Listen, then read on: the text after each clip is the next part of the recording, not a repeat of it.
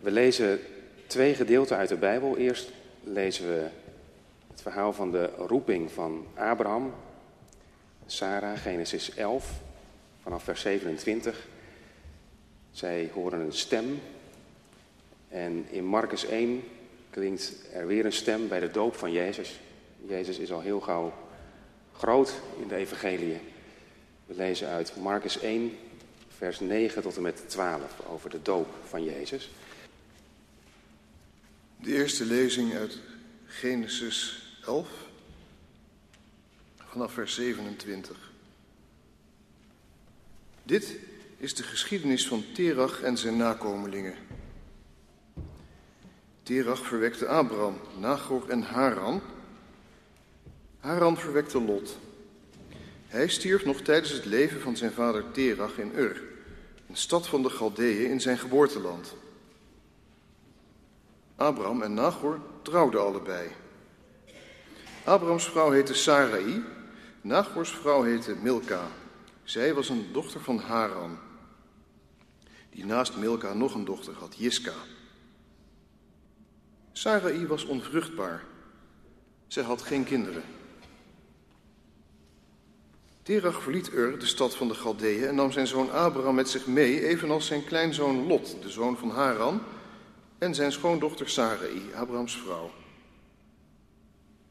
Samen gingen ze op weg naar Canaan.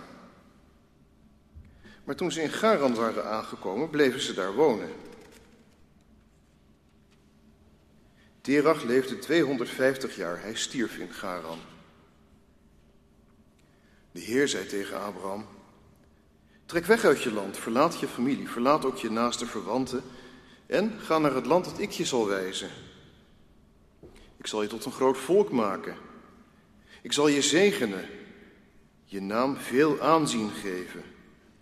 Een bron van zegen zal je zijn. Ik zal zegenen wie jou zegenen. Wie jou vervloekt, zal ik vervloeken. In jou zullen alle volken op aarde gezegend worden. Abraham trok weg uit Garan, zoals de Heer hem had opgedragen, en Lot, de zoon van zijn broer, ging met hem mee. Abraham was toen 75 jaar. Hij nam zijn vrouw Sarai mee en alle bezittingen die ze hadden verworven en de slaven en slavinnen die ze in Garan hadden verkregen.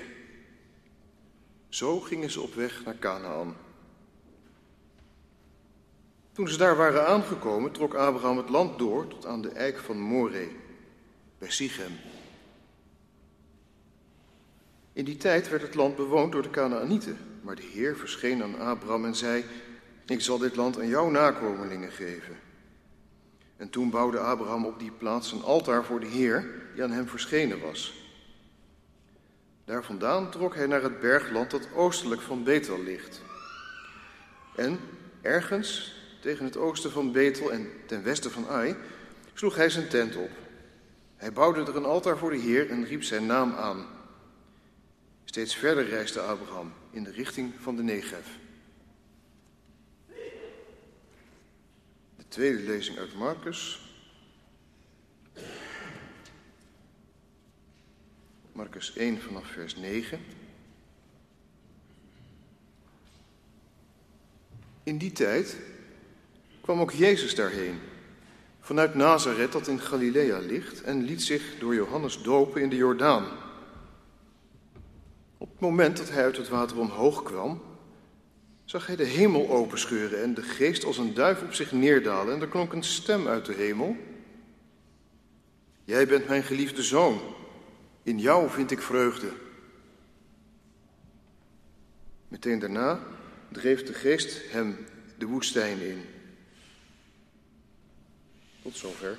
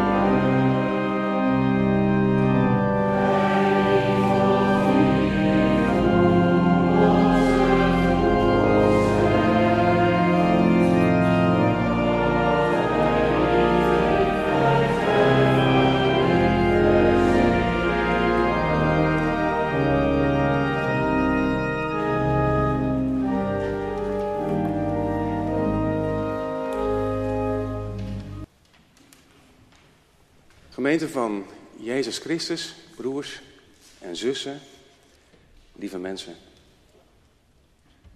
Op eh, nieuwjaarsdag twee jaar geleden werd bisschop Tutu begraven. Een bijzonder mens met een hart voor God en mensen en een hartstocht voor gerechtigheid. Ik heb het gesprek weer teruggekeken dat hij had met Twan Huis voor College Tour. En daar gaan studenten in gesprek met bekende mensen en dus ook met Bisschop Toet. En ik kijk het bijna elk jaar wel een keer terug, dat gesprek. Een indrukwekkende aflevering vind ik. En vooral dat slot maakt op mij indruk. Want de laatste vraag is altijd bij het Van Huis: wat zou je nou deze jonge mensen nou mee willen geven? Dat vraagt hij dus ook aan Tutu en dan begint Tutu al die jonge mensen te bemoedigen. Keep dreaming, zegt hij. Blijf dromen. Trek je niks aan van het cynisme van de oudjes. En blijf dromen van een wereld waar iedereen gezien wordt. Ik citeer, het is ontzettend bijzonder hoe God al sinds mensenheugenis gebruik maakt van met name jonge mensen. Om de wereld te maken zoals hij hem graag ziet. Een prachtige wereld voor iedereen. En God wil ook gebruik maken van jou en jou en jou. En dan gaat hij zo die hele zaal langs en dan wijst hij mensen aan. En iedereen is dan doodstil. En je proeft ook de ontroering in de zaal. Een indrukwekkend fragment, ook vind ik aan het begin van een nieuw jaar. Een bemoedigende stem in een cynische wereld. Van oorlogen, van strijd, van onbehagen, van dikke ikken en schreeuwerige ego's. Keep dreaming. Zoiets moet ook die stem zijn geweest die Abraham hoorde. Trek weg, Abraham. Ga op weg naar het land dat ik je zal wijzen. Blijf dromen van een nieuwe wereld en wees tot een zegen. Deze stem staat aan de wieg van de geschiedenis van Abraham en zijn nakomelingen. Deze stem staat aan het begin van het geloof van Israël en van de kerk. Een stem die geen genoegen neemt met het bestaande en het vertrouwde. Met het cynisme, het onrecht, de hoogmoed, de sleur en berusting. Maar mensen oproept om het te wagen met een belofte van iets nieuws. Met een visioen van een nieuwe wereld. Verteller van Genesis heeft al verteld over het mislukken van het project van Adam en Eva. Over de eerste broedermoord. Over de aarde die vol is van onrecht. Over Noach en de vloed. Hartleers volk, Gods mensen, want gelijk daarna gaat het weer over de torenbouw van Babel. Gaat het weer over hoogmoed, mensen die willen zijn als God, maar falen en vallen. En dan dat nieuwe begin van God met Abraham. Ga jij weg uit je land, uit je familie, uit je vaderhuis. Driemaal lees je dat woord uit. Dat is nogal wat. Uit je land, dat is de plek waar je wortels hebt. Waar je vaste grond hebt. De plek die vertrouwd voor je is. Waar je de taal spreekt. Uit je familie. Dat zijn de mensen bij wie je hoort, je bloedverwanten. Uit je vaderhuis. Dat is de kleinste, intiemste kring van mensen om je heen. Dat is je huis, de plek waar je thuis bent, je veilige haven. Eruit jij, zegt God. Wegtrekken, verder trekken, opbreken. Uittrekken uit wat zo vertrouwd is, zo vanzelfsprekend misschien ook. En je leest dat steeds weer in Genesis.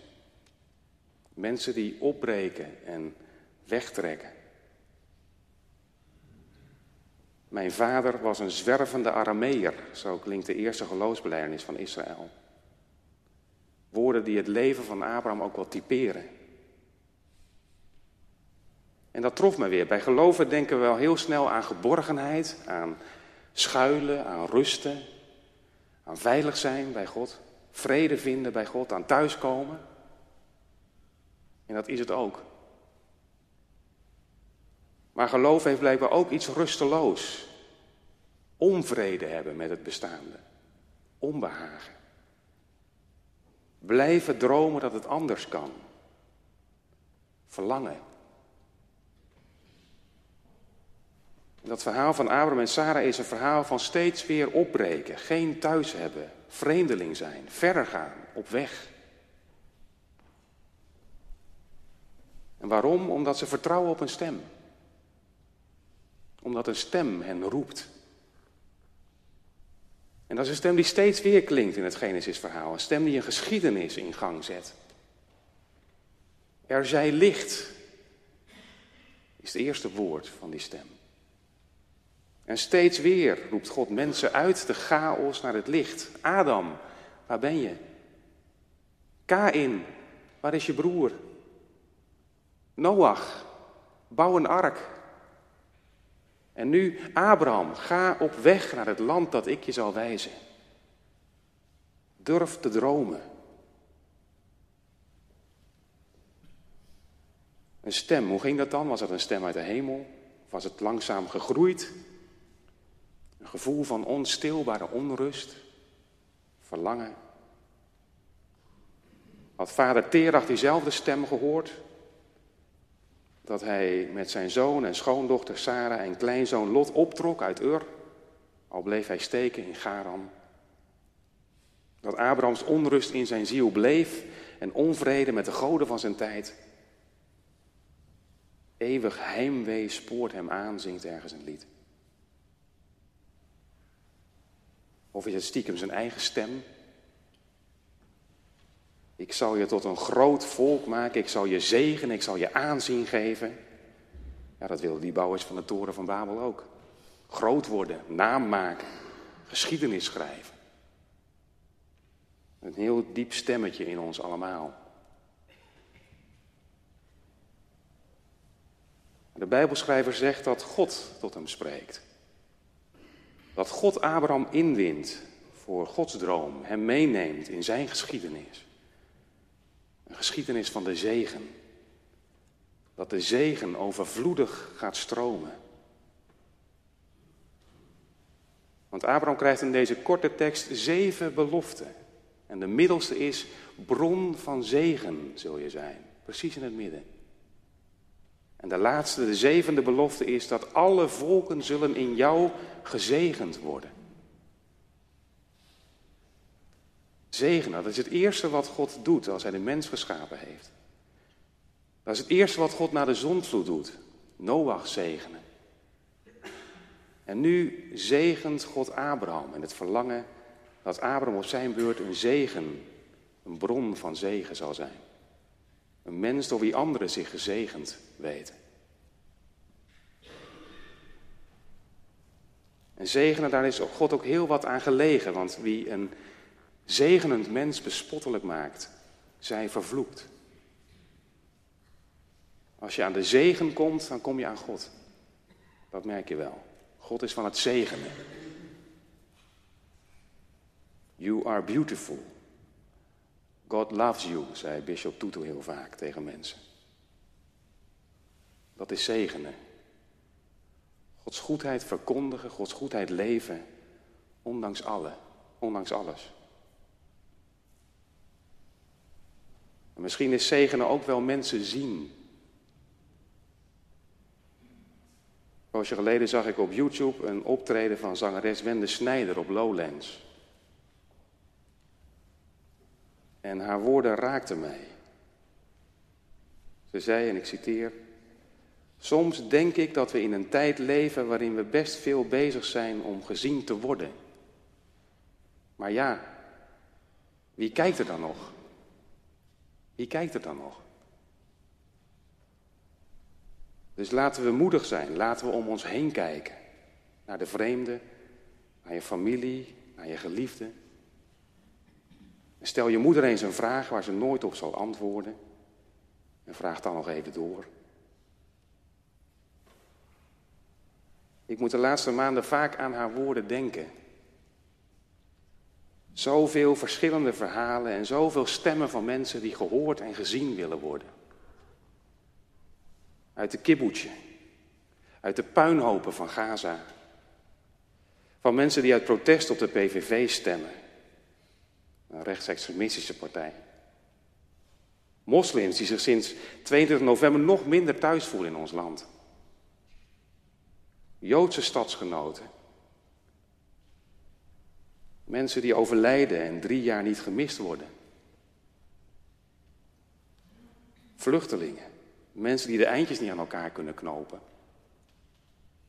Zoveel stemmen klinken. En soms als een hartekreet, soms wanhopig en huilend, soms schreeuwerig en bijtend. Zoveel mensen die gezien willen worden. Maar is er ook nog iemand die ziet? Kijkt er nog iemand? Zulke mensen zijn een zegen. Abraham en Sarah horen een stem die hen op weg zet. En dat is een stem die hen onrustig maakt en verlangen wekt naar zegen. Naar een land van belofte. Waar gerechtigheid woont en recht en vrede elkaar kussen. Een wijds land. En daar is plek voor heel veel volken. Als Mozes geroepen wordt, gaat het over Hethieten en al, allerlei volken. Alles, heel veel plek in dat land, in dat wijdse land. Een verlangen naar het land van de belofte. En zo'n verlangen dat de hele Bijbel ook doortrekt. Want wist je dat in de Joodse indeling van de Bijbel, de Tenach, dat al die hoofddelen eindigen met het uitzien naar het beloofde land. De Torah, de eerste vijf Bijbelboeken eindigen met Mozes die een blik op dat beloofde land mag werpen, maar er niet binnen gaat. De profeten eindigen met de belofte van de zon, die gerechtigheid brengt en genezing in haar vleugels draagt. En de geschriften eindigen met de belofte van terugkeer uit de ballingschap. En ook het Nieuwe Testament eindigt met de belofte van terug, met, met, uh, met openbaringen, het, het verlangen naar een nieuwe hemel, naar een nieuwe aarde waar gerechtigheid heerst. Het eindigt met een gebed vol verlangen. Kom, Heer Jezus, kom spoedig, Maranatha. De Bijbel zindert van verlangen dat God steeds zelf weer wekt. Bij Abraham en Sarah, bij de psalmisten, bij de profeten, bij Maria, de moeder van Jezus, bij, bij Anna, bij Zacharias, die verlangen naar de vertroosting van Israël. Bij de mensen rondom Jezus, bij kunstenaars en dichters, bij muzici en activisten, dromers, doeners, hopers en bidders. Bij jonge mensen en oude mensen, bij Tutu.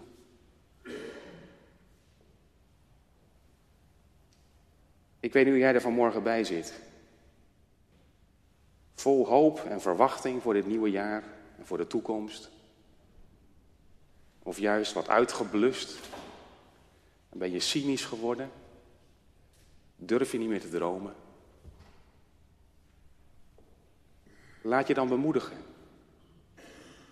Door Gods stem die Abraham en Sarah en zoveel in beweging zetten door de zegen die je ook straks aan het eind van deze dienst zult ontvangen. Een omarming uit de hemel. Waarbij God jou en mij toefluistert, vertrouw mij. Denk aan Gods stem die klinkt in Jezus. Jezus die garant staat voor Gods weg van vrede, voor Gods zegen, voor Gods zichzelf wegschenkende liefde. Jezus die solidariseert met ons, zoals duidelijk werd in zijn doop, in zijn weg tot aan het kruis.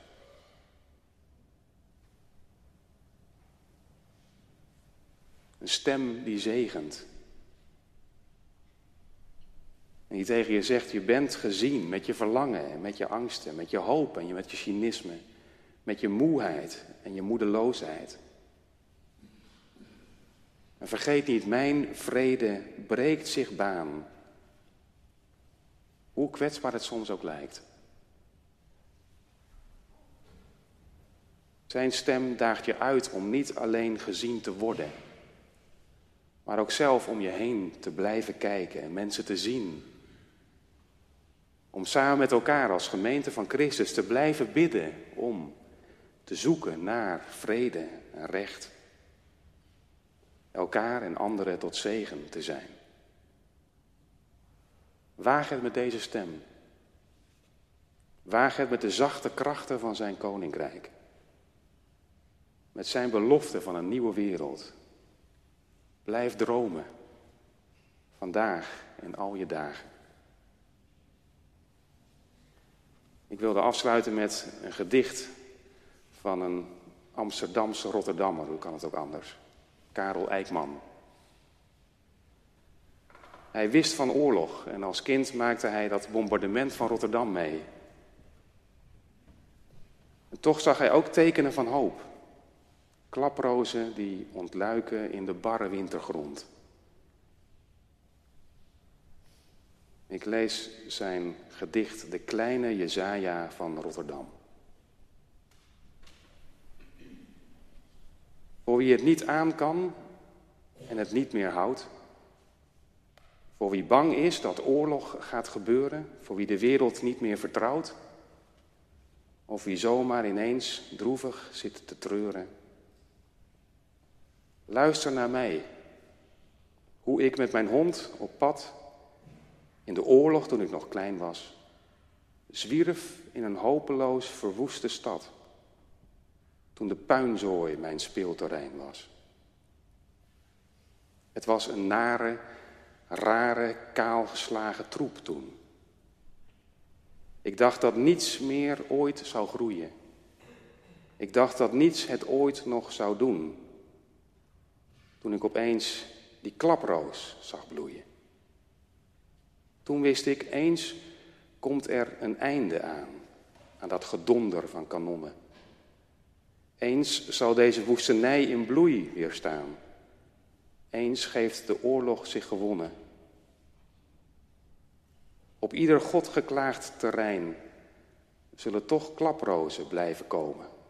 Dat blijft, dat zal altijd zo zijn, dat wordt ons never nooit niet afgenomen. Want tussen plastic en cola blik zijn het de klaprozen die het niet laten te bloeien tot hun laatste snik in de barsten van de straten. Wees zelf een klaproos als je kan. Met alle weerbarstigheid je eigen. Daar word je moedig en vrijmoedig van. En je bent niet klein te krijgen. Lof zij Christus. Amen.